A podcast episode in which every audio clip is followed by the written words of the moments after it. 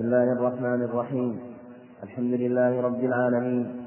صلى الله وسلم وبارك على نبينا محمد وعلى آله وصحبه أجمعين. اللهم علمنا ما ينفعنا وانفعنا بما علمتنا وزدنا علما وعملا صالحا يا أرحم الراحمين. أما بعد فقد قال الحافظ ابن عبد الهادي رحمنا الله وإياه في كتاب الحج باب الفوات والإحصار عن سالم رحمه الله قال كان ابن عمر رضي الله عنهما يقول أليس حسبكم سنة رسول الله صلى الله عليه وآله وسلم؟ إن حبس أحدكم عن الحج طاف بالبيت وبالصفا والمروة ثم حل من كل شيء حتى يحج عاما قابلا فيهدي أو يصوم إن لم يجد هديا. وعن ابن عباس رضي الله عنهما قال قد أحسر رسول الله صلى الله عليه وآله وسلم فحلق وجامع نساءه ونحر هديه حتى اعتمر عاما قابلا. رواهما البخاري. الحمد لله رب العالمين والصلاة والسلام على نبينا محمد وعلى آله وأصحابه وأتباعه بإحسان إلى يوم الدين. أما بعد فهذا الباب في الفوات والإحصار والمصنف رحمه الله ذكر الأدلة في الإحصار والفوات داخل في معناه. وإن كان قد جاء آثار في هذا الباب عن عمر رضي الله عنه وعن غيره لكنه يؤخذ حكمه من الإحصار من جهة الجملة. حديث سالم عن ابن عمر رضي الله عنهما أليس حسبكم سنة رسول الله صلى الله عليه وسلم؟ أو يقال ليس حسبكم سنة رسول الله صلى الله عليه وسلم؟ على أن سنة أن سنة خبر وحسبكم هي هي السنة هي اسمها واسم ليس وأن حسبكم هي الخبر ويجوز العكس. أليس حسبكم سنة رسول الله صلى الله عليه وسلم؟ إن حبس أحدكم يعني عن البيت منع. فلما حبس عليه الصلاة والسلام اعتمر من القابل كما وقع في عمرة القضية. فقال إنه يطوف ويسعى ويحري يطوف ويسعى للبيت وأنه يفعل كما فعل عليه الصلاة والسلام حتى يعني ينتظر حتى يحج عاما قابلا إذا منع من دخول البيت ثم يهدي هديا هذا من ابن عمر رضي الله عنهما يدل على أنه لا إحصار كما قاله بعضهم وأنه لا يتحلل المحصر مهما كان أنه لا يتحلل إلا بمعنى أنه أنه لا يتحلل إلا بوصوله البيت. لما قال حبس أحدهم عن طاف البيت وجسمه مرض ثم حل من كل شيء حتى يحج عاما قابلا أو يصوم إن لم يجد هديا. كما فعل عليه الصلاة والسلام. واختلف العلماء في الإحصار وفي حكمه وفي معناه.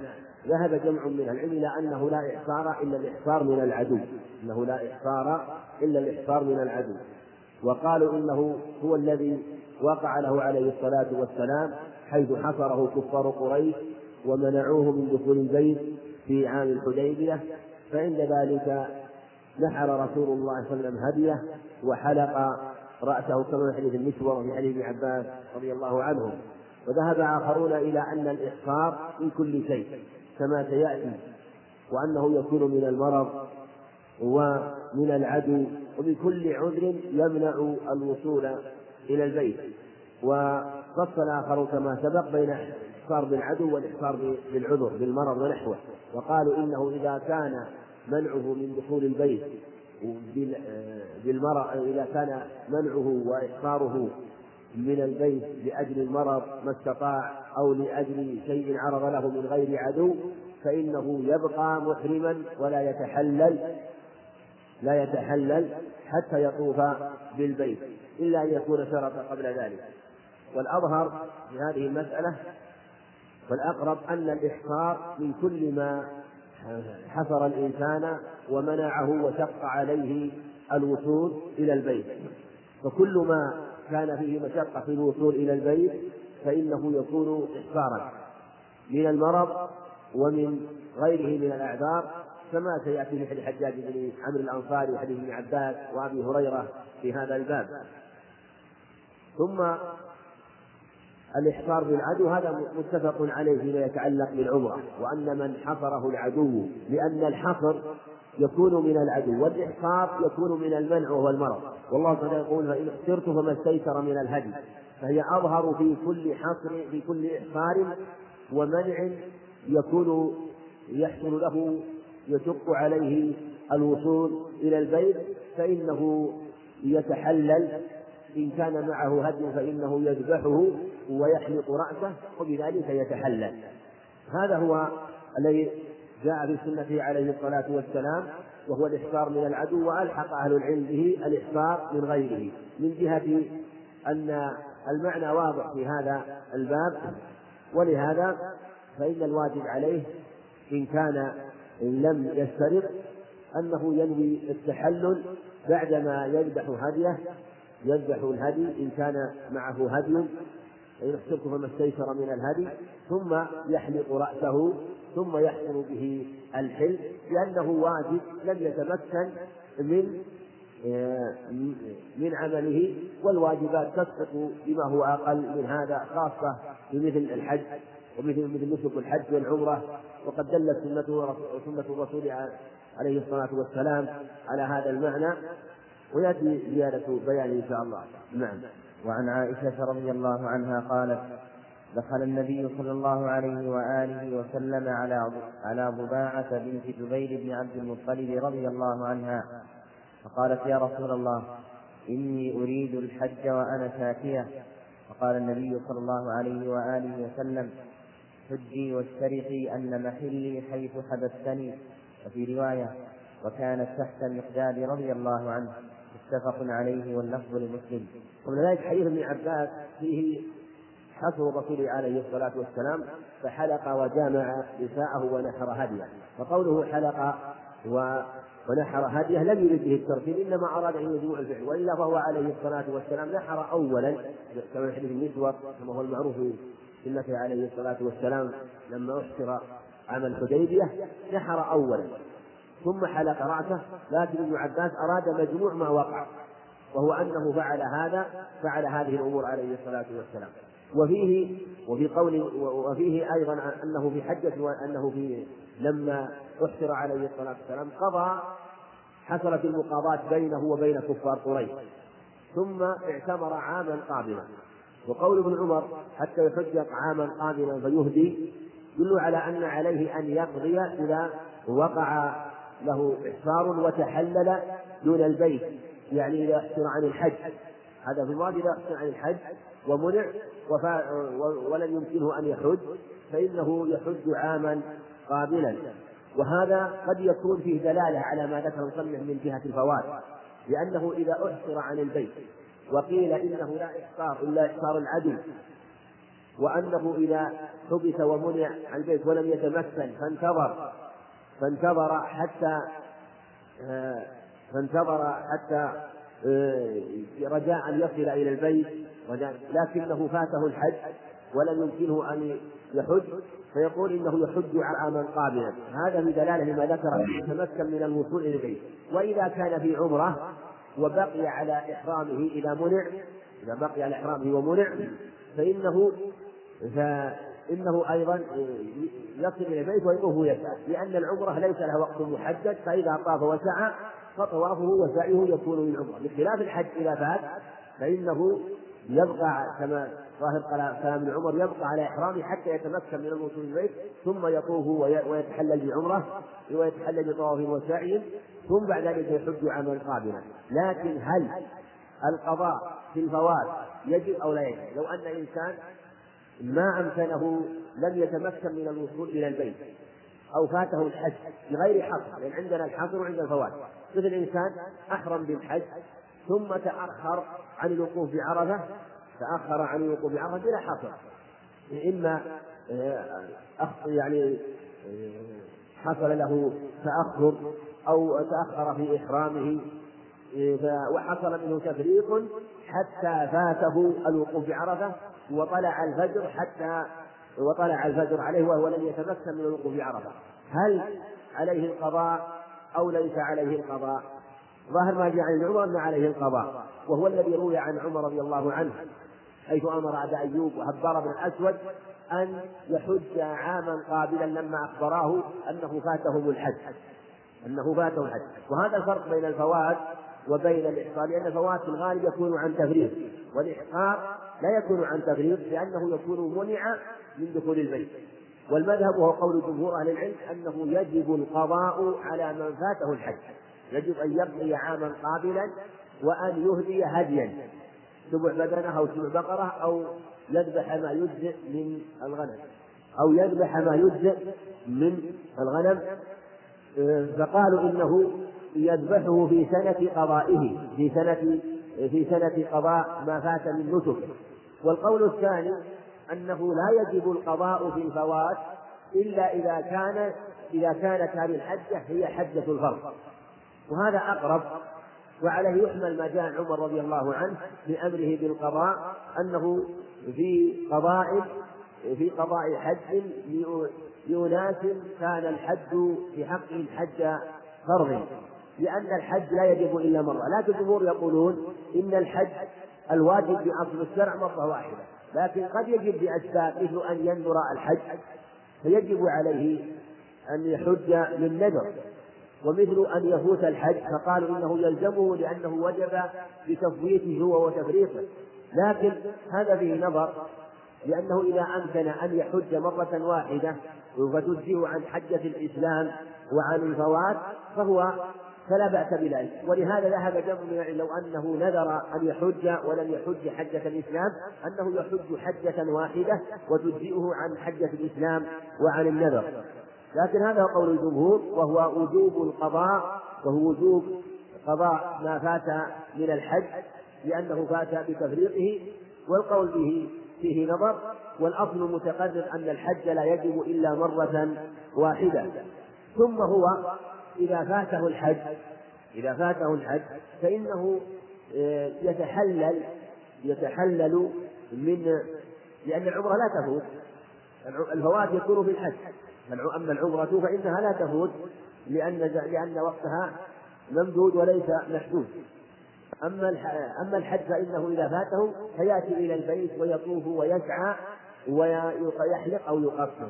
ثم لو أنه طاف وسعى هل هذا الطواف والسعي يجزئ يكون عمرة أو مجرد طواف وسعي لتحلله من النسك فيه خلاف ذهب جمع من العلم إلى أنه إذا فاته الحج يعني طلع الفجر عليه الإنسان طلع الفجر يوم عرفة ولم يقف عرفة نقول انتهى الحج يعني لو قال طيب أنا بكمل أنا بروح. بذهب إلى إلى منى وبرمي سوف أرمي الجمار واكمل الحج؟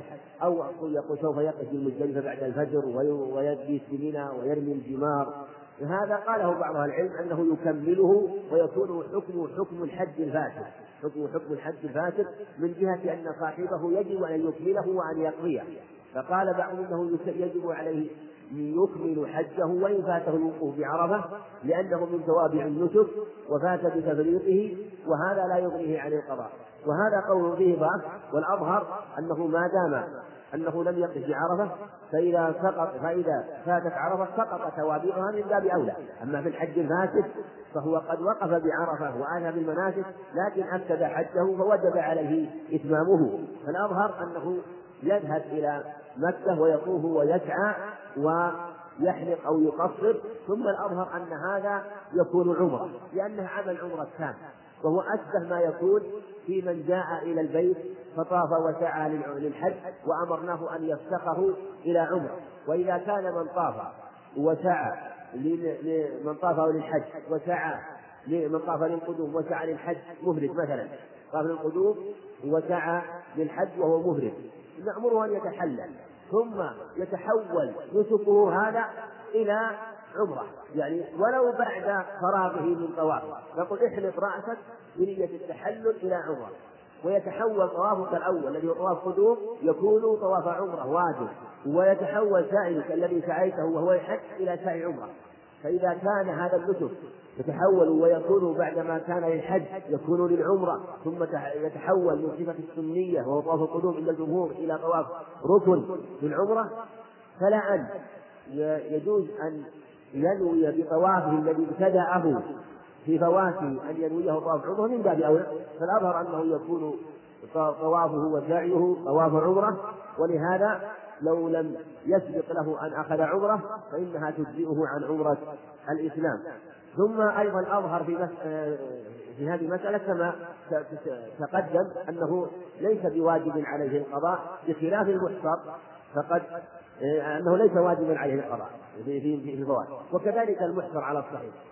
والرسول عليه الصلاة والسلام آه، كما أخبر ابن عباس اعتمر عاما قابلا لما حبس عن البيت اعتمر عاما قابلا وهذا وهذه العمرة التي اعتمرها في أي عام هي؟ نعم عمرة القضية في أي عام؟ في العام السابع في العام السابع لأنها لأنه منع من دخول البيت في العام السابع وعمرة القضية في العام السابع العام السابع لأن هو اعتبر أربع عمر عليه الصلاة والسلام. واحدة في عام ماذا؟ في العام السادس اللي هي عمرة الحديبية.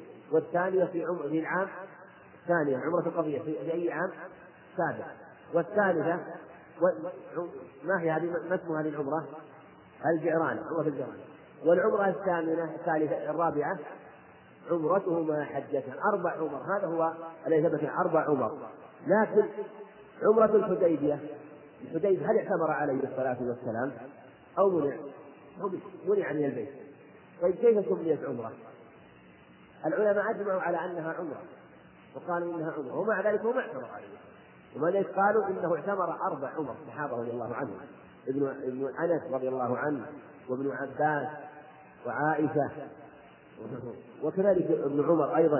ابن عمر كلهم جاء عنهم هذا وقال اعتمر أربع عمر إنما حصل خلاف في عن عن عن ابن عمر أنه قال اعتمر في رجب لكن بينت عائشة رضي الله عنها وغيرها أنه وهو منه وحتى يقيم اتفاق العلماء على أن أنه لم يعتمر إلا أربع عليه الصلاة والسلام كما صحت ذلك الأخبار لماذا سميت عمرة؟ العلماء متفقون والصحابة رضي الله عنهم اتفقوا على أنها عمرة مع أنه لم لم يطف بالبيت عليه بل حبس ومنع صلوات الله وسلامه عليه سميت عمرة لأنه جاء ولبى بعمرة عليه الصلاة والسلام. ناوي العمرة وقصد البيت لكنه منع فحصل له أجر عمرة كاملة. وهذا على القاعدة في من اجتهد في العمل ومنع منه فإن أجره يكون كاملا. أجره. وهذا متقرر بالأدلة جعلت عمرة لأنه نواها ودخل فيها لكنه لم يكملها فأجره أجر المعتمر ومن معه عليه الصلاة والسلام. كذلك عمرة مع حجته جعلت عمرة مع أنه لم يفرد ماذا؟ العمرة بعمل فدخلت عمرته بحجة صلوات الله وسلامه عليه. وكما دخل في عمرة في الحج إلى يوم القيامة ودخول الأصغر في الأكبر لأنها لأن لأنه كما تقدم عمل المفرد عمل القارئ كعمل المفرد سواء بسواء.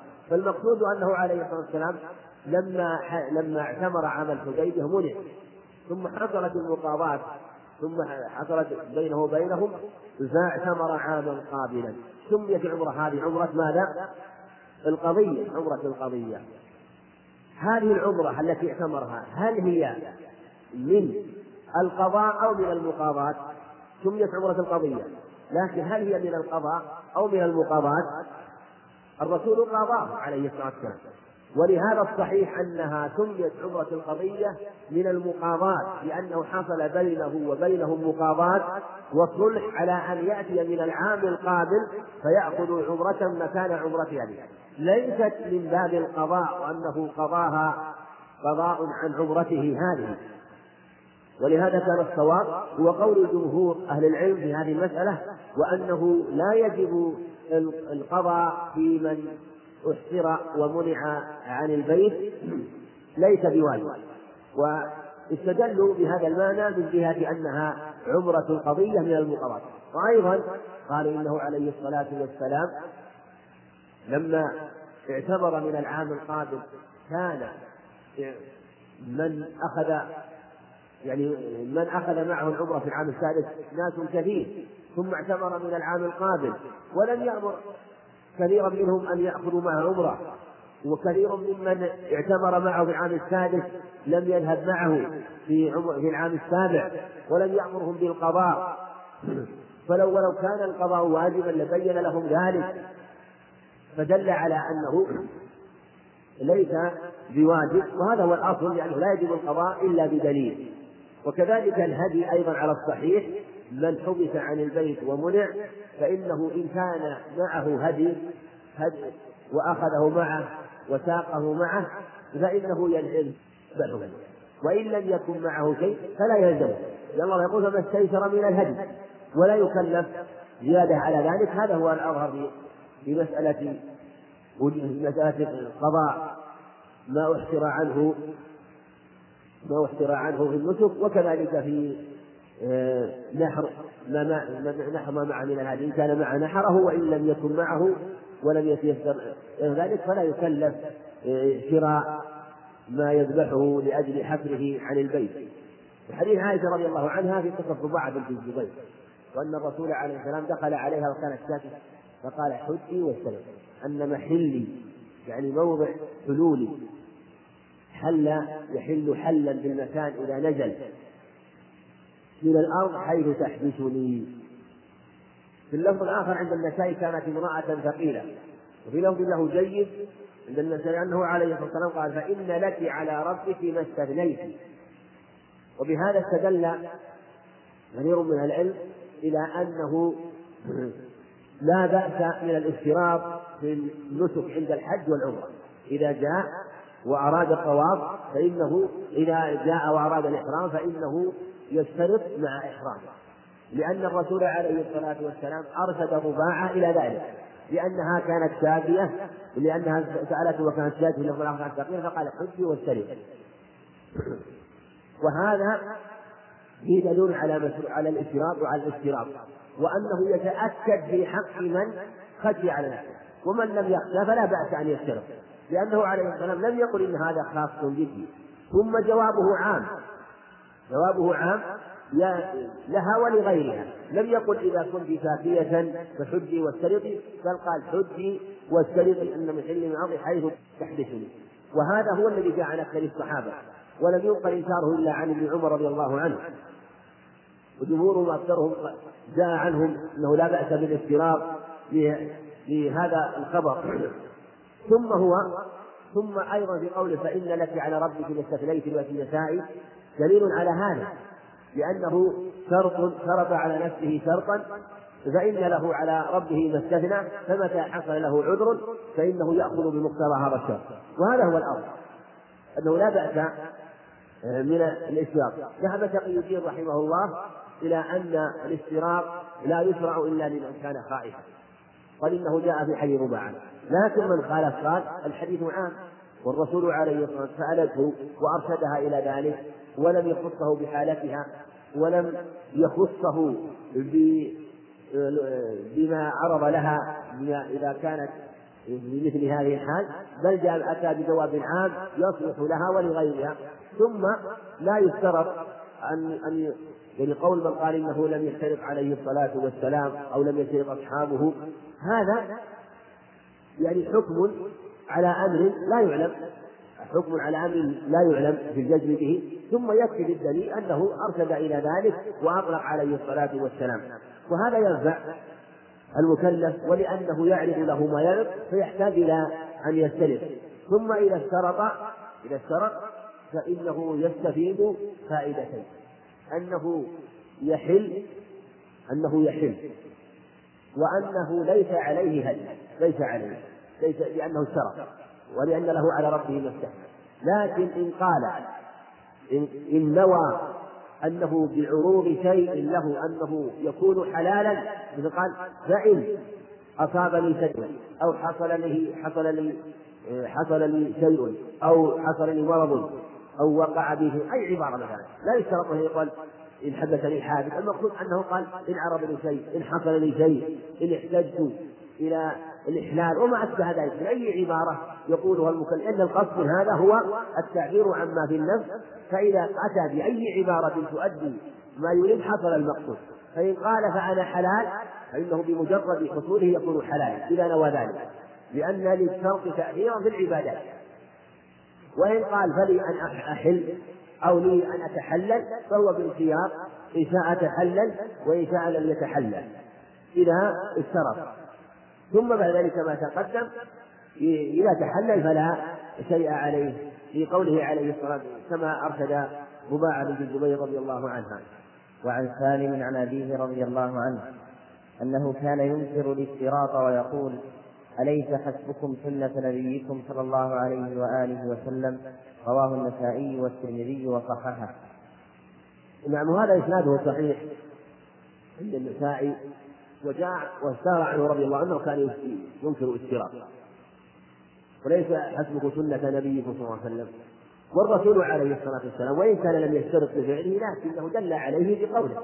وقوله سنة وكما أن فعله سنة فقوله سنة بل إن قوله أبلغ في السنية من فعله عليه الصلاة والسلام.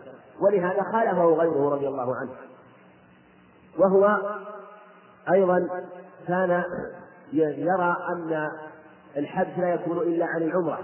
في أول أمر لما أنه أخذ عمرة لما أنه أخذ عمرة وقال إن حبست عن البيت فصنعت كما صنع رسول الله صلى الله عليه وسلم في أيام قصار الحجاج بن الزبير. ثم صار ساعة ثم قال ما أمرهما إلا واحد الحج والعمرة. فقاس الحج على العمرة وأنها من باب أولى أنه أنه إذا حبس فإنه يكون حكم وحسن عن البيت. ثم لبى بالحج رضي الله عنه. فكأنه تبين له شيء من ذلك واجتهد وصار حكم الحج حكم العمرة في إحصار في الإحصار. وهكذا هو سواء كان الإحصار إحصار عدو أو أو كان إحصار مرض. والصواب كما تقدم أنه وك... أنه لا بأس بالاشتراط وكأنه والله أعلم ما بلغت السنة في هذا في حديث طباعة رضي الله عنها. وقد جاء آه، حديث طباعة من حديث عائشة عند مسلم رحمه الله. من حديث ابن عباس. هنا من حديث عائشة وعند مسلم من حديث ابن عباس رضي الله عنهما. نعم. وعنه رضي الله عنه أنه قال من حبس دون البيت بمرض فإنه لا يحل حتى يطوف بالبيت وبين الصفا. رواه مالك في الموطأ. وهذا الأثر لو أن المصنف رحمه الله ذكره عقب الأثر الأول لكان أولى لأنه يفسر مراده رحمه الله. يفسر إن حبس أحدكم عن البيت طاف بالصفا والمروة ثم أنه يفسر مراده بهذا وأنه أراد حبس بالمرض. هذا هو مراد رحمه الله من حبس دون دون البيت. وقال أليس حسبكم سنة نبيكم؟ يعني عليه الصلاة والسلام أنه حبس بعدل وأنه كان يرى أن الإحصار لا يكون أو المنع والحصر لا يكون إلا من العدو. ولهذا كان رحمه الله يرى أن من حبس بمرض وحصل له عذر فلم يتمكن من وصول البيت. يقول إن كان الحصر والمنع من المرض أو الإحصار من المرض ونحوه فإنه لا يحل إلى البيت. كما هنا حتى يقول البيت بين الصفا والمروة. وهذا يوضح ما تقدم. في قول عليك إن حبس أحد البيت يعني حبس بمرض. يتقدم أن الصحيح أنه كما قال ابن عباس أن كل كل إحصار بل الإحصار يكون بالمرض والحصر من المنع ويكون بالعدو. ودلالة الآية على الحبس من المرض فإنه احترته وهو من الإحصار وهو يكون بعذر المرض ونحوه. أما من العدو فيكون الحظ من الحصر وهو المنع. فلهذا كان الصواب هو القول الثاني في هذه المسألة وهو أنه يكون الإحصار من المرض ونحوه فلو أصابه شيء ولم يتمكن من وصول البيت أو شق عليه الوصول فيتحلل من مكانه ولا ولا فإن كان قد اشترط فلا شيء وإن كان لم يشترط وإن كان لم يشترط فإنه ينحر هديا. إن كان معه هدي وإن لم يكن معه هدي يتيسر ذلك له فإنه ينوي التحلل. ينوي التحلل. لكن إن كان لم ي... إن كان إن كان لم يشترط فلا بد من الهدي إن كان لم يشترط لا بد من الهدي يذبحه ثم بعد ذلك ينوي التحلل ويحلق رأسه. نعم. وعن عكرمة عن الحجاج بن عمرو الأنصاري رضي الله عنه قال قال رسول الله صلى الله عليه وآله وسلم من كسر أو عرج فقد حل. من كسر أو عرج فقد حل. وعليه الحج من قابل. قال فسألت ابن عباس وأبا هريرة رضي الله عنهم عن ذلك فقال صدق رواه أحمد وأبو داود والنسائي وابن ماجه والترمذي وحسنه ورواته ثقات. وقد روي عن عكرمة عن عبد الله بن رافع عن الحجاج بن عمرو رضي الله عنه وهو أصح قاله البخاري.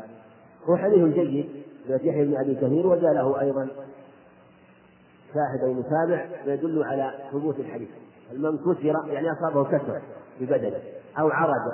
يقال عرج بالفتح إذا خمع وأصابه شيء ليس بخلقة.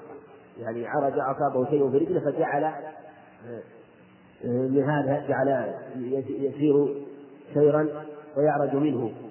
وعرج بالكسر عرج إذا كان خلقة. وقد يثلث في غير الخلقة. يقال عرج وعرج وعرج. من كسر أو عرج فقد حل وعليه الحد من قابل.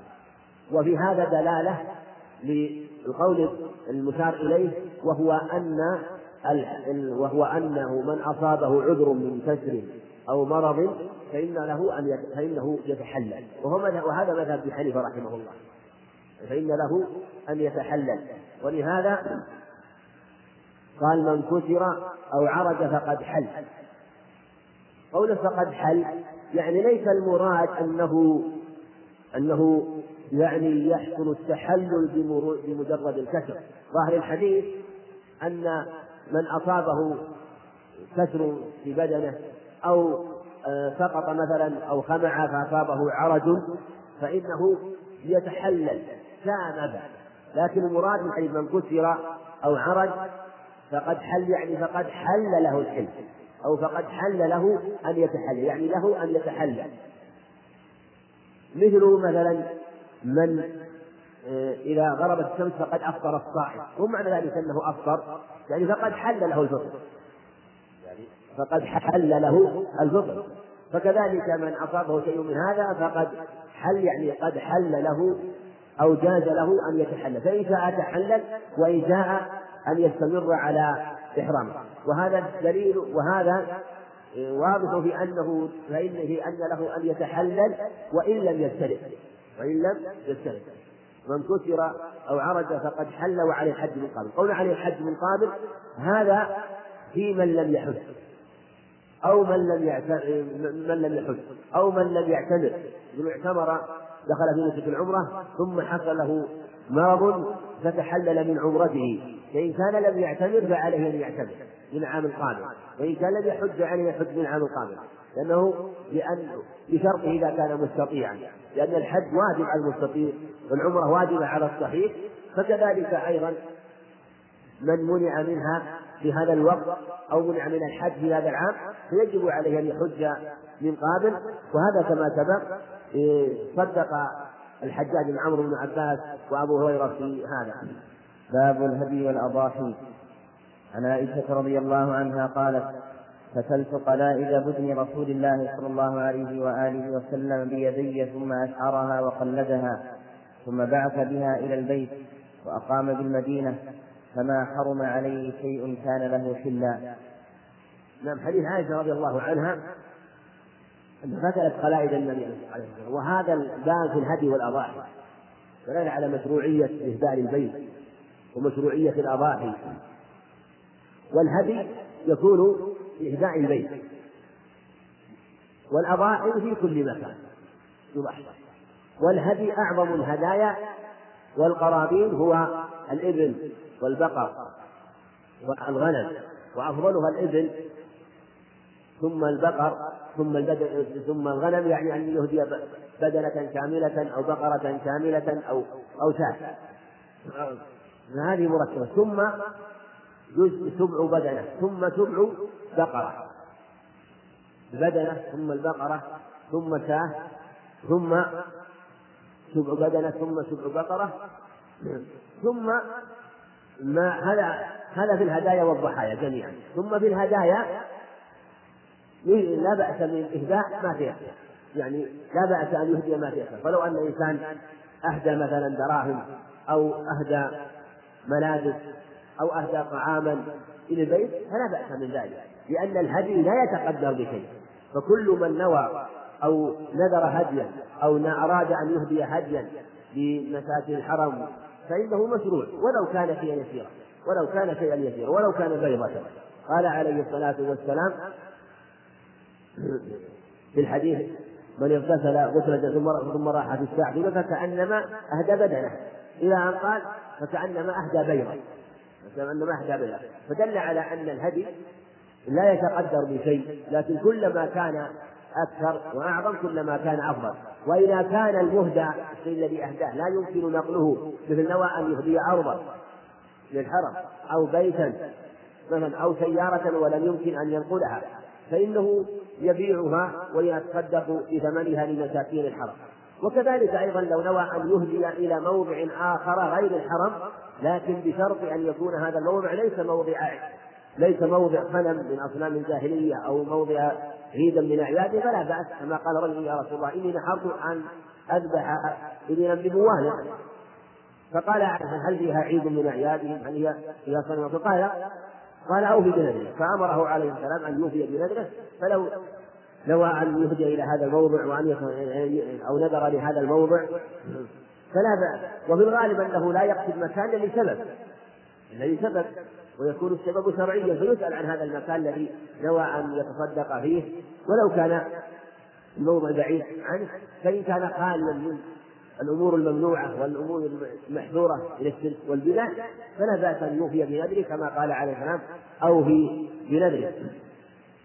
ثم الهدي مشروع سواء كنت حاجا أم معتمرا أو ليس حاجا ولا معتمرا مشروع لكل لكل إنسان.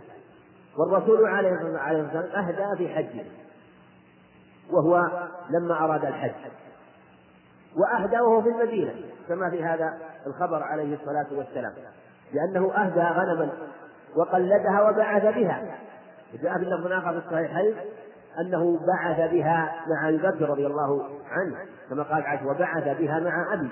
فلو أن إنسان أهدى هديا وبعث به وأرسله من غنم أو دراهم أو طعام أو متاع فإنه على خير في ذلك كما فعل عليه السلام. ولا يشترط في الهدي أن يكون صاحبه محرما ولهذا قالت عائشة رضي الله عنها وكان حلالا. أخبرت أنه كان حلال عليه الصلاة والسلام. وأنه لم يحرم عليه شيء. ثم في دلالة على مشروعية تقليد الهدي. فمن أراد أن يهدي شيئا من بهيمة الأنعام فالسنة أن يقلدها يعني أن يعلقها في رقابها العرى والنعال للدلالة عليها. ثم إن كان سوف ينظر إن كان المهدي لم يأخذ نسكا فهو في بلده فإن السنة أن يقلدها من مكانه الإنسان من هنا من الرياض وأراد أن يهدي بهيمة إلى مكة وهو لا يريد الحج ولا العمرة. نقول السنة أن تقلدها وأنت في مكانك في بلدك. وإن كنت سوف تأخذها وتسوقها معك أو تأثريها من مكان من مكان الذي سوف تحرم به بالحج والعمرة من ميقات فالسنة أنه أن لا تقلد إلا في عند الإحرام. ولهذا ثبت في الصحيحين عليه الصلاة والسلام لما أهدى الإبل قلدها لما أحرم حتى تقترن هاتان العبادتان. عبادة الدخول في النسك مع عبادة تقليد هذه الهدايا من باب تعظيم شعائر الله سبحانه وتعالى. وفي دلالة على أنه لا بأس أن السنة أن تقلد. بمعنى كما تقدم أن يوضع في رقابها شيء. والأولى أن يكون أن يوضع فيها أن يمكن أن يوضع فيها شيء من النعل يعلق فيها وأن يوضع وقلد في كل شاة نعلان أو في كل بعير نعلان إشارة إلى أنه تخلى عن هذا عن هذا عن هذه البهيمة أو عن هذا أو عن هذا عن, هذا الجمل أو هذا البعير تخلى عنه وجعله لله ولأنها ولأنها ولأن الإنسان يجعل نعله مركوبا له فكأنه تخلى عن مركوبه مركوبه له. وبأي شيء علقه عليها حصل المقصود لأن دلالة على أنها هدي. ويأتي الإشارة إلى أنه يحسن ويشرع إشعار الهدي إذا كان قادر ذلك إذا كان لا يضر ذلك كالإبل. وفيه أنه كما تقدم قلدها وأقام بالمدينة عليه الصلاة والسلام وأنه لم يحرم عليه شيء. نعم. وعن علي بن أبي طالب رضي الله عنه أن النبي صلى الله عليه وآله وسلم أمره أن يقوم على بدنه وأمره أن يقسم بدنه كلها لحومها وجلودها وجلالها في المساكين ولا يعطي في في جزارتها منها شيئا. متفق عليهما واللفظ لمسلم. كذلك في دلالة أن لا بأس أن يوكل الإنسان في بعض أمور العبادة مما يصح به التوكيل ولهذا وكل عليه الصلاة والسلام عليا رضي الله عنه في القيام على بدنه وقام عليها وذبح بعضها كما ذبح لأنه ذبح عليه الصلاة والسلام 63 ونحر علي 37 وفي رواية الثانية أنه عليه الصلاة والسلام نحر 30 ونحر علي معه ولكن الرواية ضعيفة عند أبي داود. ولو صحت تحمل على أن نحر عليه الصلاة والسلام 30 ثم أعطى المدة ثم أعطى علي فنحر 37 ثم أكمل عليه الصلاة والسلام البقية وهي 33 فأمر أمره ووكله على بدنه عليه الصلاة والسلام. ثم أمره أن يقسم لحومه. دلالة على مشروعية قسم لحوم الهدايا. وفيه أيضا إشارة إلى أن السنة التصدق بها. ولهذا قسمها عليه الصلاة والسلام وأن يأكل منها إذا تيسر ذلك كما فعل حيث أمر أن يؤخذ من كل جمل بقطعة لحم وأن توضع في قدر فطبخ شيء من مرقها عليه الصلاة والسلام. وفيه أيضا دلالة على أن الجلود أنه لا يجوز بيعها في الهدايا والضحايا وهذا صحيح لكن لا بأس من الانتفاع بها أما بيعها فلا يجوز لأنه خرج عنها لله ولا يجوز أن يرجع في شيء فيما خرج وجعله لله فلا يجوز أن يرجع فيه. فهذا هو الواجب. وأيضا حتى الجلال وهو ما يغطى به الدابة ويوضع على ظهرها حتى يكون وقاية لها فلا تتضرر. أيضا يجب أن يقسمها في المساكين. وفي دلالة على أيضا أنه إذا ذبحها الجزار لا يجوز أن تعطيه من لحمها. ولهذا قال ولا يعطي في جزارتها منها شيئا. المصنف رحمه الله ساق الخبر متفق عليه وقال واللفظ لمسلم لأنه عند مسلم ولا زاد منها ولا يعطي في جزارتها منها شيئا.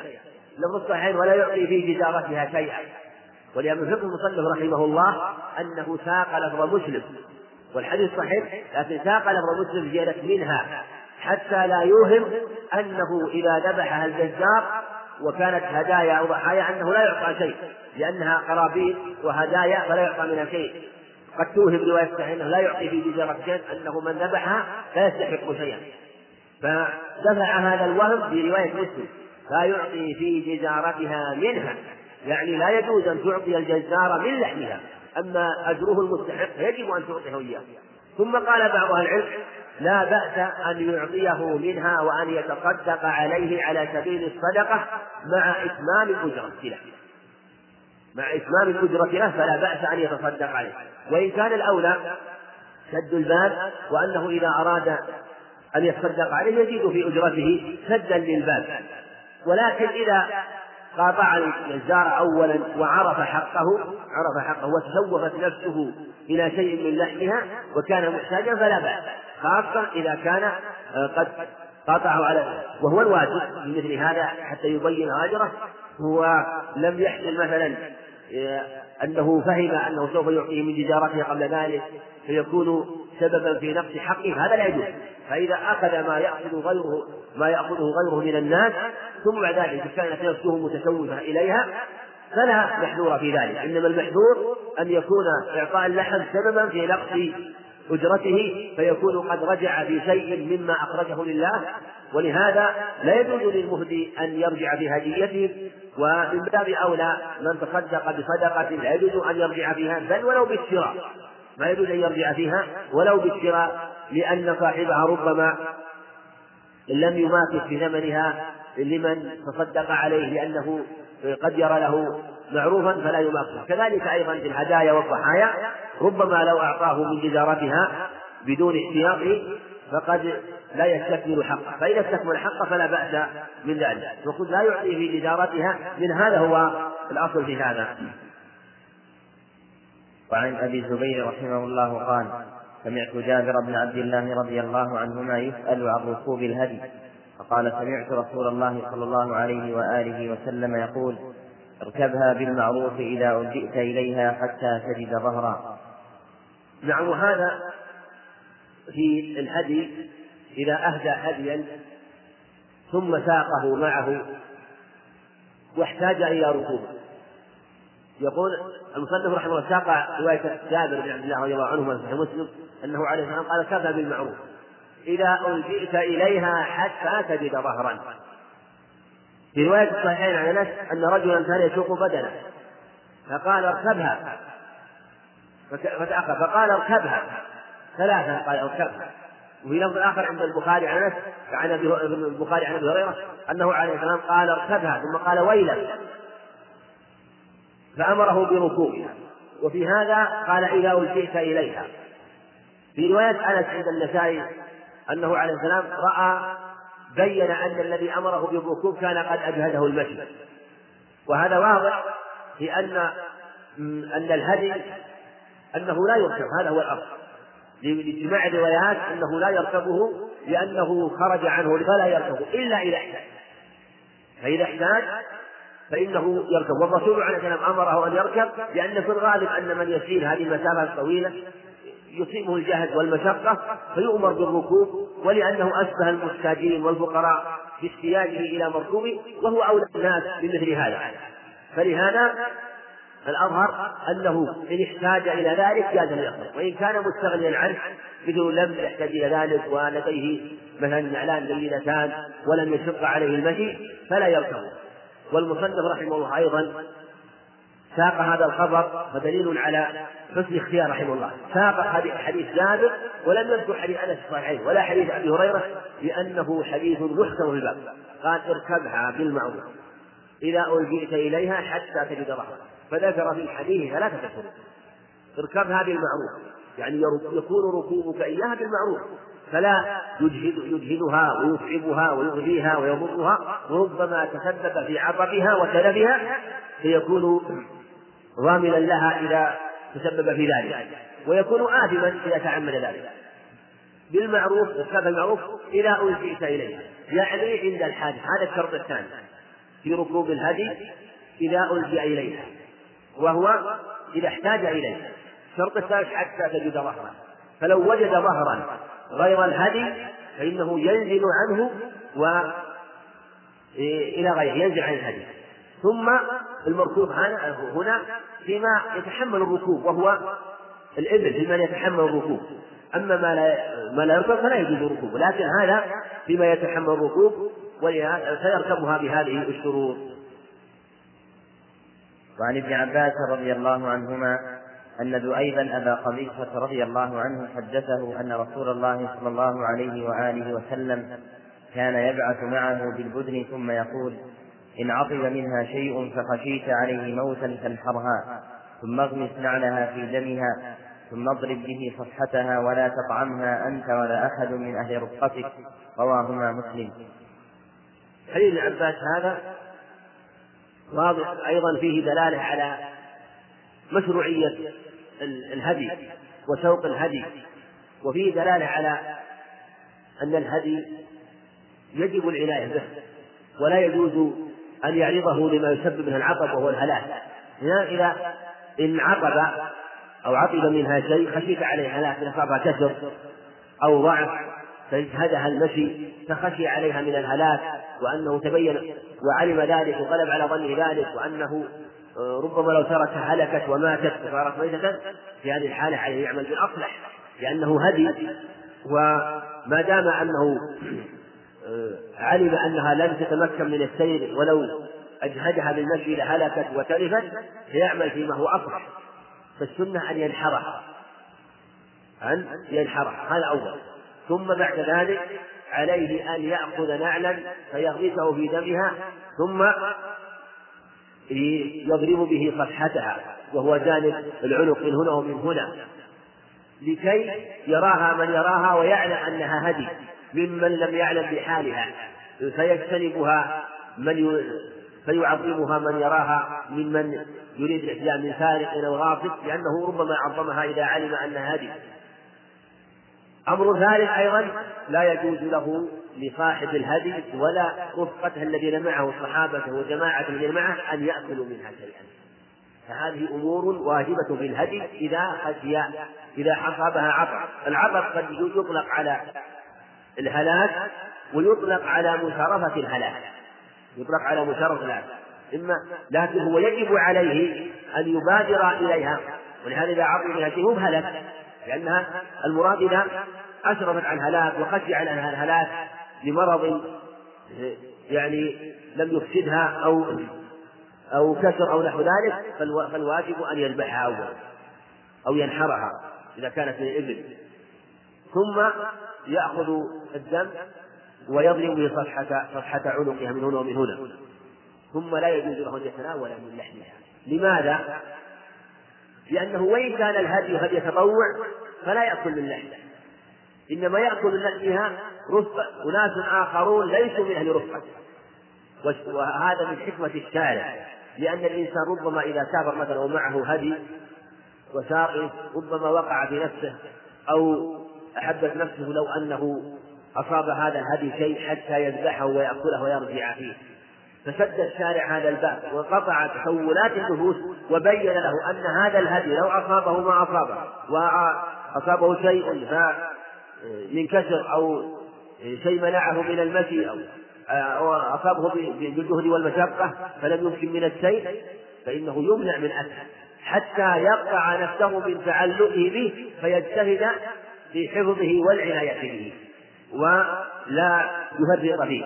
فأمره إذا ذبحه ألا يأكله أي صاحب الهدي ولا جماعة الذين معه من صحابة. لكن يتركه لأناس آخر فلو كان مثلا جيش كبير أو ناس جماعة كثيرين فله رفقة ثم جاء جماعة آخرون ليسوا من الرفقة فلهم أن يأكلوا. أو كان جماعات كانوا جماعات مفصلين بعضهم خلف بعض فإنه هم لا يتناولونه ويتناولونه. هذا هو الصواب في هذه المسألة كما تقدم. لكن عند الضرورة لا بأس أن يأكل وعند حال الاختيار فلا يتناوله تناوله ولا أحد من رفقته نعم. وعن عائشة رضي الله عنها قالت أهدى النبي صلى الله عليه وآله وسلم مرة غنما متفق عليه.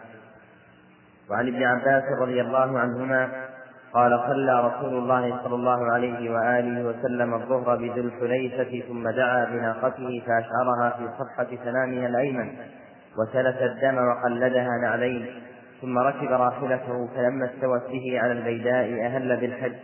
رواه مسلم وأبو داود وزاد وسلت الدم بيده وفي لفظ بإصبعه. نعم.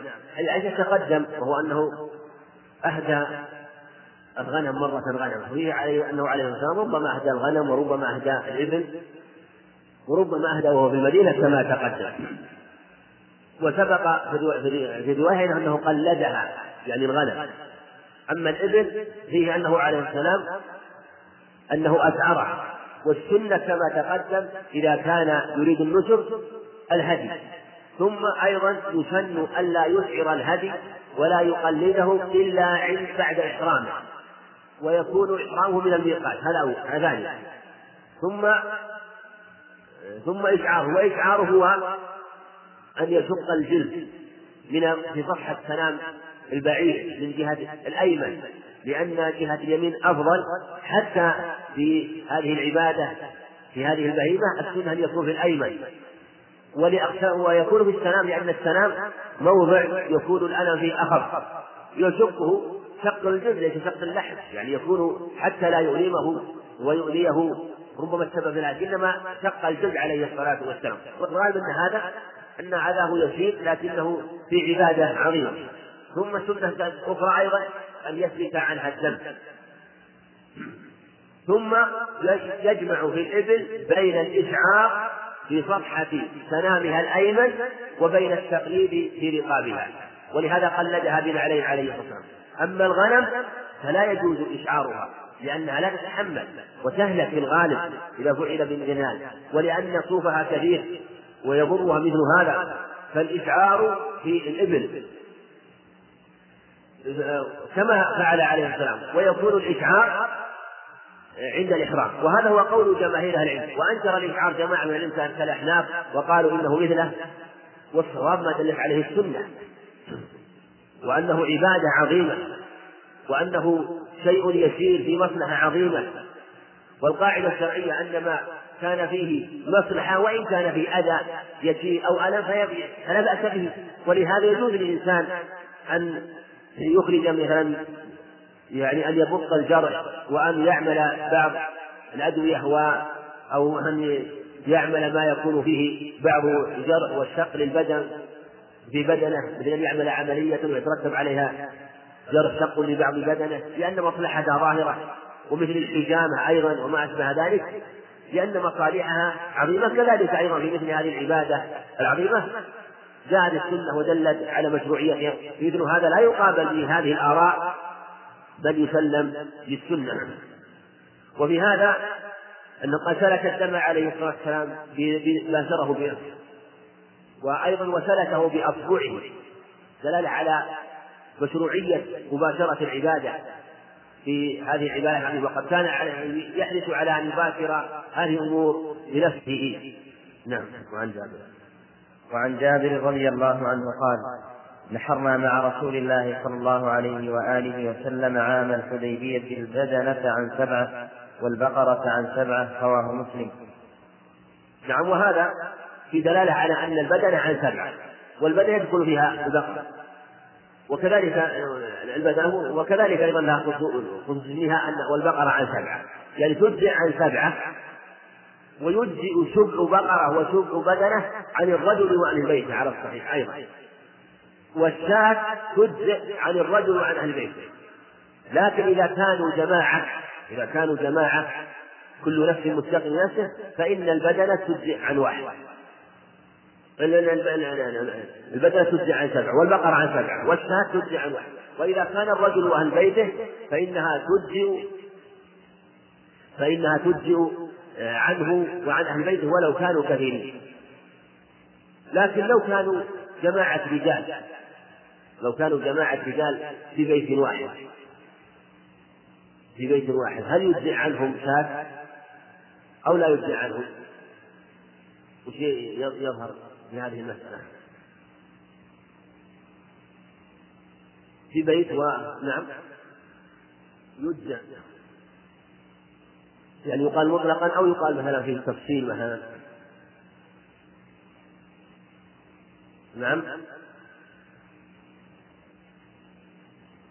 إذا كانوا جماعة في بيت فالأظهر ينظر إن كان إن كانوا مثلا في بيت واحد وهم مختلطون وطعامهم واحد فيجرى في الأضحية أيضا هذا المجرى فتكفيه بل قال بعض أهل العلم إنه لو كان جماعة مسافرين أو وجد جماعة مثلا واحتاجوا وكانوا في مكان واحد وسكن واحد فوافقهم عيد الأضحى وهم في سكن واحد فهم أشبه ما يكون بالجماعة الواحدة.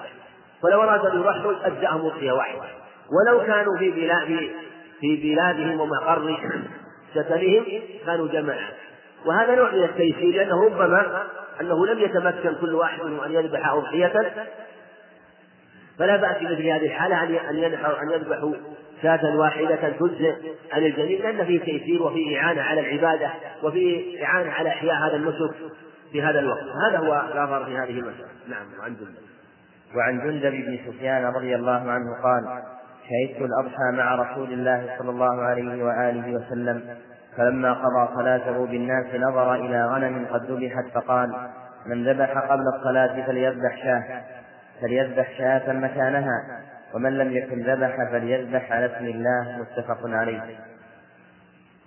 وعن جابر رضي الله عنه قال صلى بنا النبي صلى الله عليه وآله وسلم يوم النحر بمدينة فتقدم رجال فنحروا وظنوا أن النبي صلى الله عليه وآله وسلم قد نحر. فأمر النبي صلى الله عليه وآله وسلم من كان نحر قبله أن يعيد بنحر آخر ولا ينحر حتى ينحر النبي صلى الله عليه وآله وسلم.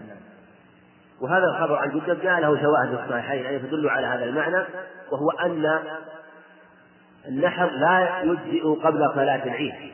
فمن نحر ومن ذبح قبل الصلاة من ذبح فليذبح شاة مكانه ومن لم يذبح فليذبح على اسم الله. وهذا هو الواجب. لأنه إذا ذبح قبل الصلاة فشاته شاة لحمة وجاء عن ابي برده بن نيار رضي الله عنه أنه ذبح أنه عليه الصلاة والسلام ذبح قبل الصلاة وقال إنه عنده عتود تجزي عن شاتي لحم. وهو ما لم يبلغ من من المعز فأمره عليه السلام أن يذبحها وقال لن تجزي عن أحد بعده فالمقصود أنه لا لا يذبح ولا يجوز الذبح ذبح أضحية قبل الصلاة لأنها عبادة ونسك ولا تكون إلا بعد الصلاة وهكذا ذبح عليه الصلاة والسلام. وإذا كانوا في موطن لم يصلوا فبقدر ما يصلي من من يصلي من حولهم فيدخل وقت الذبح في حقه ومن لم يكن ذبح فليذبح على اسم الله. دلالة على أن من ذبح قبل الصلاة فإنه يعيد الذبح مرة أخرى. قال بعض العلم لأنه لزمه وكان لازما في حقه أن يعيد الذبح. وقيل لأنه لما ذبح وكانت شاته شاة لحم فبينت له السنة فلم يحصل المقصود. لم يحصل المقصود. بذلك فعليه أن يذبح مكانها شاة أخرى وإن لم تكن واجبة عليه في الأصل. حديث جابر أيضا دليل على هذا المعنى في صحيح مسلم وأن من نحر قبل الصلاة فإنه يعيد وينحر بعد ذلك.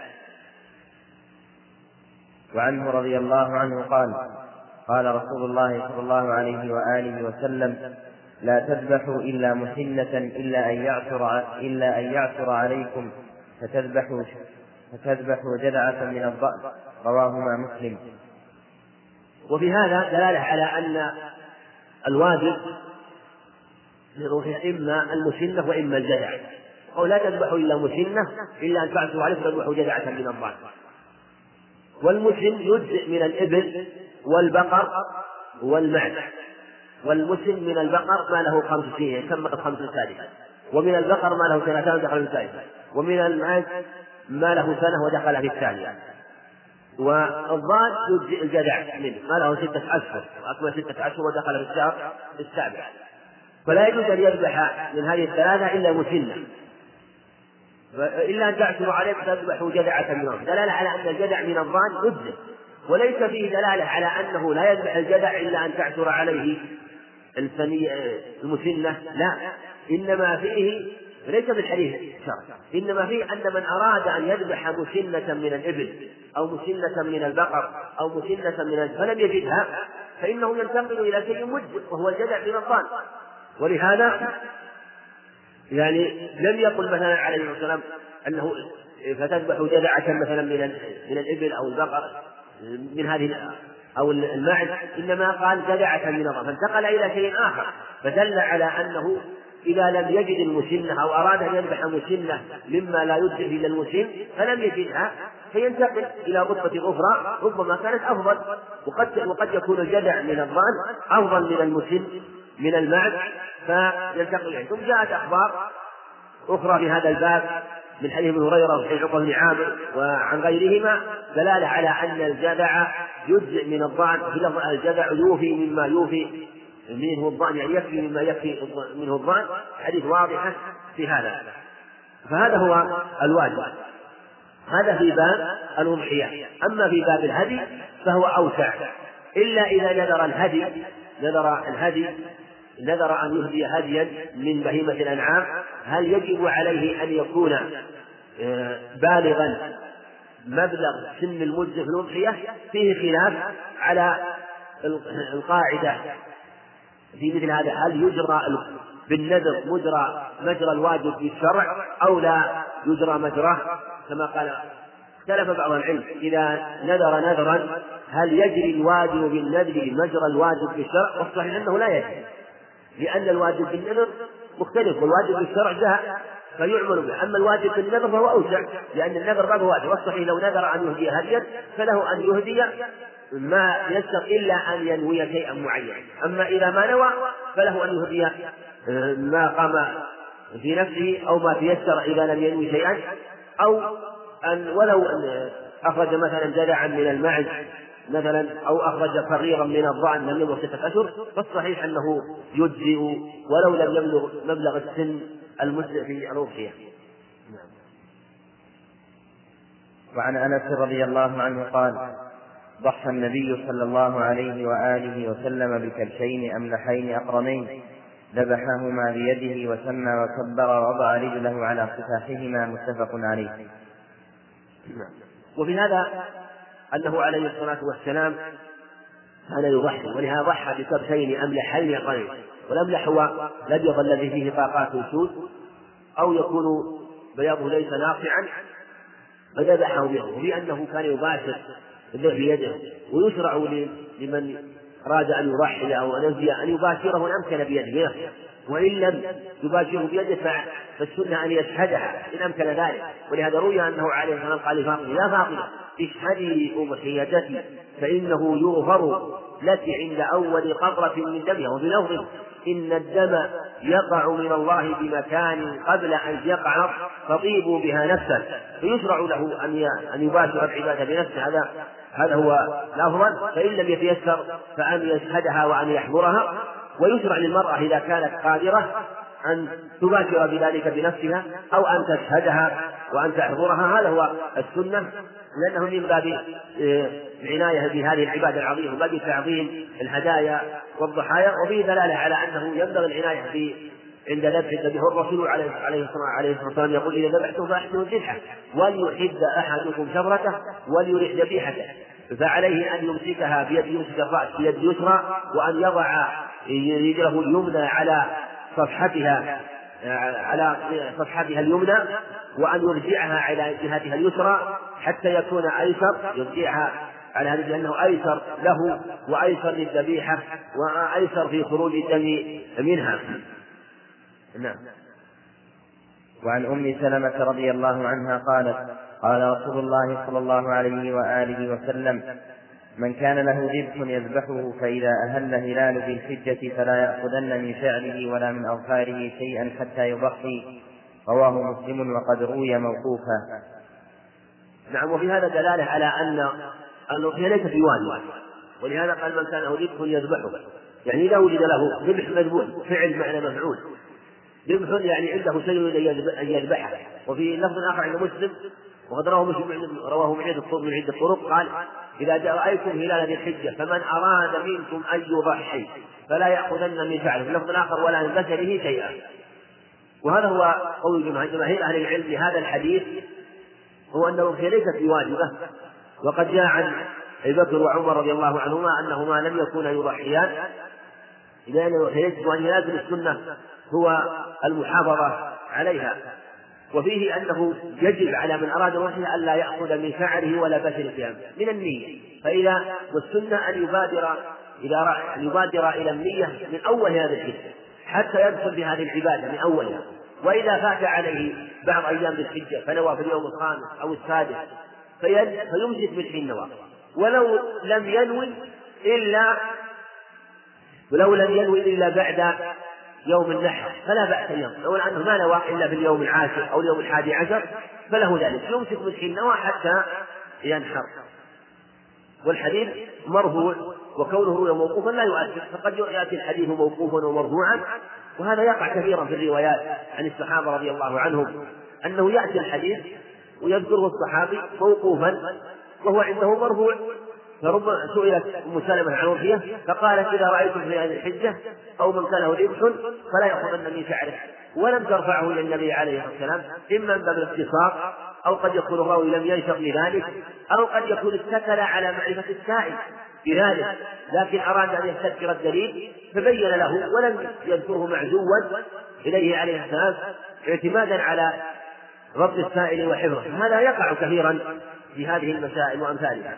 نعم. وعن عبيد بن فيروز قال سألت البراء بن عازب رضي الله عنهما قلت حدثني ما نهى عنه رسول الله صلى الله عليه وآله وسلم من الأضاحي أو ما يكره. فقال قام فينا رسول الله صلى الله عليه وآله وسلم ويدي أصفر من يده. فقال أربع لا تجزئ. العوراء البين عورها والمريضة البين مرضها والعرجاء البين ضلعها والعرجاء والعرجاء البين ضلعها والكثير التي لا تنقي. قلت إني أكره أن يكون في السن نقص وفي الأذن نقص وفي القب وفي القرن نقص. فقال ما كرهت فدعه ولا تحرمه على أحد. رواه الإمام أحمد وهذا لفظه وأبو داود وابن ماجه وابن حبان والنسائي والترمذي وصححه. نعم حديث حديث عبيد بن فيروز من رواية البراء حديث محكم في باب الأضاحي. وفيه أن هذه أن الأضاحي فيها أشياء لا تجوز كما ذكر البراء بن عازب رضي الله عنه. أربع في الأضاحي لا تجوز العوراء البين عورها بمعنى أنه إذا كان واضحا فإذا كان العور فيها ليس واضحا إنما هو ذهاب شيء من ضوء العين مثلا ولم ولم يكن واضحا فأبين في العين فلا يؤثر. إنما يؤثر إذا انخسفت عينها وذهبت عينها وكان واضحا. في هذا لا تثبت ولهذا لم يقل عوراء مجرد البين عورها. لأن هذا قد لا تسلم مثل الضحايا أو الغنم والبهائم لا تسلم من هذه ما يعرض لها لكن ما دام شيء يسير فهذا لا يؤثر. ولهذا قال والمريضة البين مرضها. المريضة البين مرض فإذا كان المرض يسير ولا يؤثر عليها في مشيها ولا يؤثر عليها في لحمها فلم يفسد لحمها فإنه لا بأس بذلك. ولهذا قال المريضة البين مرضها. ثم قال والعرجاء البين ضلعها. وهو إذا كان عرجها فاحشا. أما إذا كان العرج فيها يسير ولا يمنعها من المشي مع صواحبها ولا يمنعها من طيب المرعى ويمكن أن أن تأكل كما يأكل سائر الغنم فهذا لا يؤثر.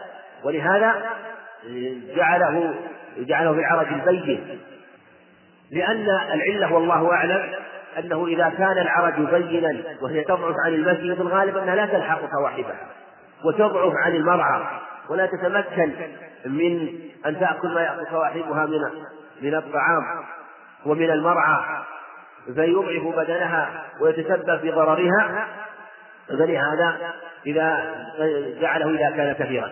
والكثير لون آخر والكثيرة التي لا تنقي يعني التي لا نقي لا نقي فيها ولا مخ فيها. فإذا كانت كثيرة لا نقي فيها ولا مخ فيها هذه مجرد عظام مجتمعة هزيلة لا قيمة لها فلا يتقرب بها. والله طيب لا يقبل إلا طيبا. فهذه هي هذه الأنواع الأربع هي التي آه، جاءت العوراء البين عورها والمريضة البين مرضها والعرجاء البين ضلعها والكثيرة التي لا تنقي. فلما قال عبيد فيروز إني أكره أن يكون في السن نقص وفي القلب نقص رد عليه البراء رضي الله قال ما كرهت من شيء ولا تحرمه على أحد.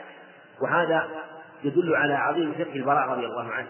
وأنه لا بأس أن يقع في نفس الإنسان اشتياق من جهة نفسه لكن لا يشدد على نفسه لا يشدد على غيره.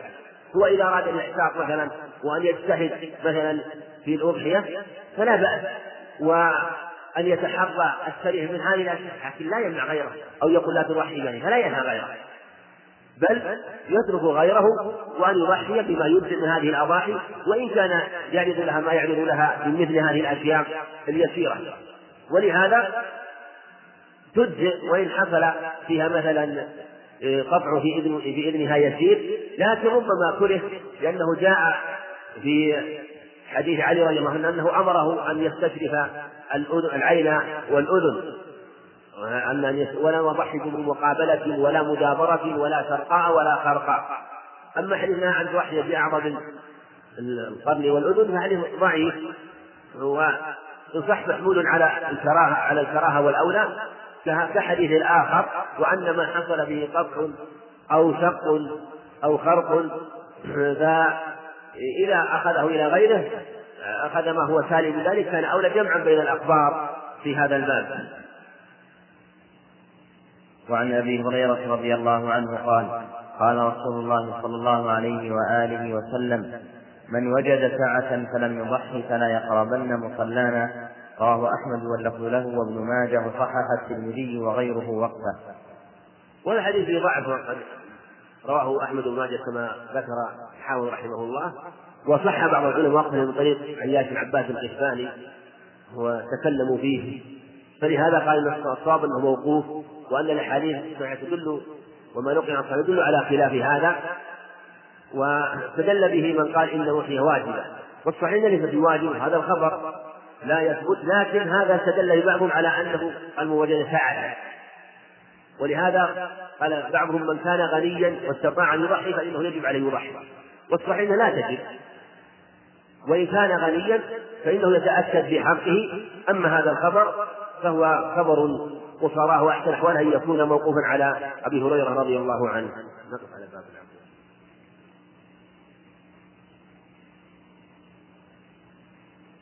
أحسن الله إليكم من منع من الحج بسبب عدم وجود تخصيص للدخول هل يعتبر مقصرا؟ نعم من أحرم بالحج فمنع من من دخول مكة بسبب فإنه يكون حكم حكم يكون حكم حكم المحصر ويتحلل فإن كان قد اشترط تحلل ولا شيء عليه. إن كان قد اشترط مثلا القرآن حبسني حابس محلي حيث حبستني فيتحلل في مكانه ولا شيء عليه. وإن لم يكن اشترط فإنه ينحر هديا ثم آه،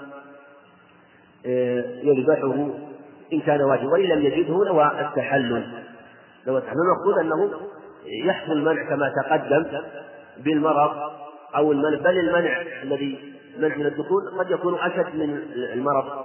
لأنه ربما لو كان مريض أو له عذر أمكن أن يدخل لكن إذا منع بالفعل ولم يتمكن من الدخول فهو أشد من حالة المرض والعذر غير المنع على هذه الصفة. نعم.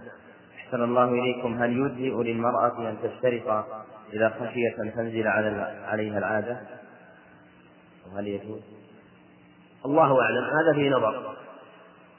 الأظهر أن هذا لم يكن معروفا بعهده عليه الصلاة والسلام لأن هذا عذر معتاد.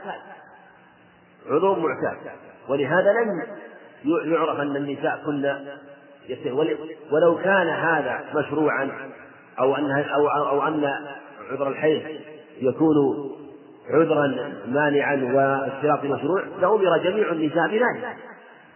لأنه ما من امرأة في الغالب إلا ويعرض لها مثل هذا. حتى ولو كان لها عادة مضبوطة فقد ينزل بها الدم وقد تتقدم. ولهذا الرسول عليه الصلاة والسلام قال لعائشة لما أخذت عمرة أخذت عمرة ونزل بها نزل بها عذرها رضي الله عنها فدخل عليها تبكي. فقال إن في بنة آدم فبين. ثم أمرها عليه الصلاة والسلام قال هذا هو كتب الله على بنات آدم. ثم أمرها الحج على العمرة ولم يأمرها أو يقل لها أو لغيرها النساء أنها تشترط. إنما يكون اشتراط في الأمور العارضة لا في الأمور التي معتادة.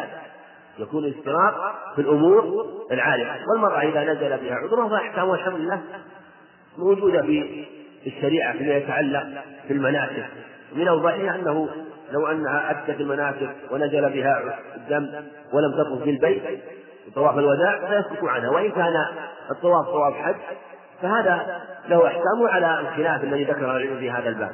نعم. أحسن الله إليكم ورد أن البدنة تجزئ عن سبعة. وقال بعض أهل العلم البدنة تجزئ عن عشرة كما ورد في حديث ابن عباس رضي الله عنهما عند الترمذي والنسائي فكيف الجمع بين هذين القولين؟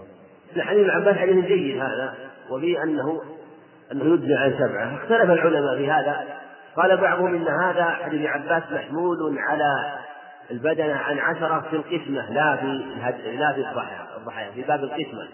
كما ثبت في الصحيحين من رافع أنه عليه السلام قسم فعدل بعيرا بعشرة.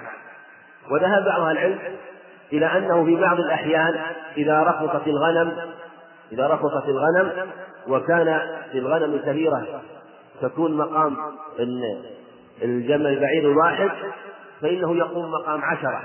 إذا فسدت الغنم ورخصت فإنه لا يجعل مكان سبعة. وهذا في نظر الصواب والأصل المتقرر أن الجمل مكان أن بدنه مكان هذا هو الأصل أما حديث ابن عباس فهو محتمل. والقاعدة عند في هذا في هذا الباب وفي غيره أن المحتمل لا يرد به الواضح البين. والرسول عليه السلام جعل البدن عن سبعة والبقرة عن سبعة في هذه الأخبار وهكذا فعل عليه الصلاة والسلام. وحديث عباس كما سبق محتمل مع أن حديث جابر ومن أصح وأثبت. وحديث ابن عباس أيضا محتمل أيضا أن يكون في باب القسمة بدلالة حديث أبي رافع. فلهذا الصواب أن يبقى حديث جابر على هذا الأصل. وحديث ابن عباس يحمل على هذه على أحد هذه المحامل. فيجمع بينه وبين قول ابن عباس في هذا أو يرجع عليه حديث جابر رضي الله عنه. أحسن الله إليكم. هل من حصر عن العمرة أو أحصر؟ يحصل له أجر العمرة كاملة كما حصل للنبي صلى الله عليه وسلم. وهل يجزئه ذلك عن عن عمرة الإسلام؟ أما الأجر يحصل له الأجر كامل. هذا ما في شك. ولهذا أجمع الصحابة على أن عمرة الحديبية عمر يعني في الأجر والثواب. وهذا الأصل متقدم ليس في العمرة وحدها في كل عمل. قال عليه الصلاة والسلام إذا مرض العبد أو سافر كتب الله له ما كان يعمل وهو صحيح مقيم. أخرجه البخاري وأحمد والنسائي. من حديث أبي موسى الاشعري وثبت معناه من حديث عبد الله بن عمرو من حديث أنس عند أحمد بإسنادين جيدين وهو أنه عليه الصلاة قال أنا حبست عبدي عبدي وأنا أطلقته. فيقول الله لملائكته اكتبوا لعبدي صالح عمله إذ كان طريقا حتى أقبضه حتى يعافى أو أو اقفده أقبضه أو كما قال عليه الصلاة والسلام. فهذه الأخبار والروايات تدل على مثل هذا المعنى وهو أنه يكتب له صالح عمل بل إذا كان العبد إذا نوى العمل وكانت له نية صادقة في العمل ولم يعمله لكن له نية صادقة يكتب له أجر العاملين فلا أن يكتب له الأجر فيما تسبب إليه وسار إليه من باب أولى. ويثبت في الحديث عند أبي داود من طريقين أن العبد إذا خرج إلى الصلاة إلى الجمع ووجد الناس قد صلوا فإن الله يكتب له أجر مثل أجر من صلاها مع الجماعة لأنه قصد وسار مع أنه سار في مثل هذه العبادة وهي عبادة الصلاة و وسار لها فكيف إذا كان سار آه، إلى مكة وتحمل ما تحمل ثم منع من باب أولى أن يكتب له أن يكتب له أجره. أحسن الله إليكم ما رأيكم في من أراد الحفظ أيحفظ بلوغ المرام أم المحرر أم كتابا آخر غيرهما؟ من أراد الحفظ؟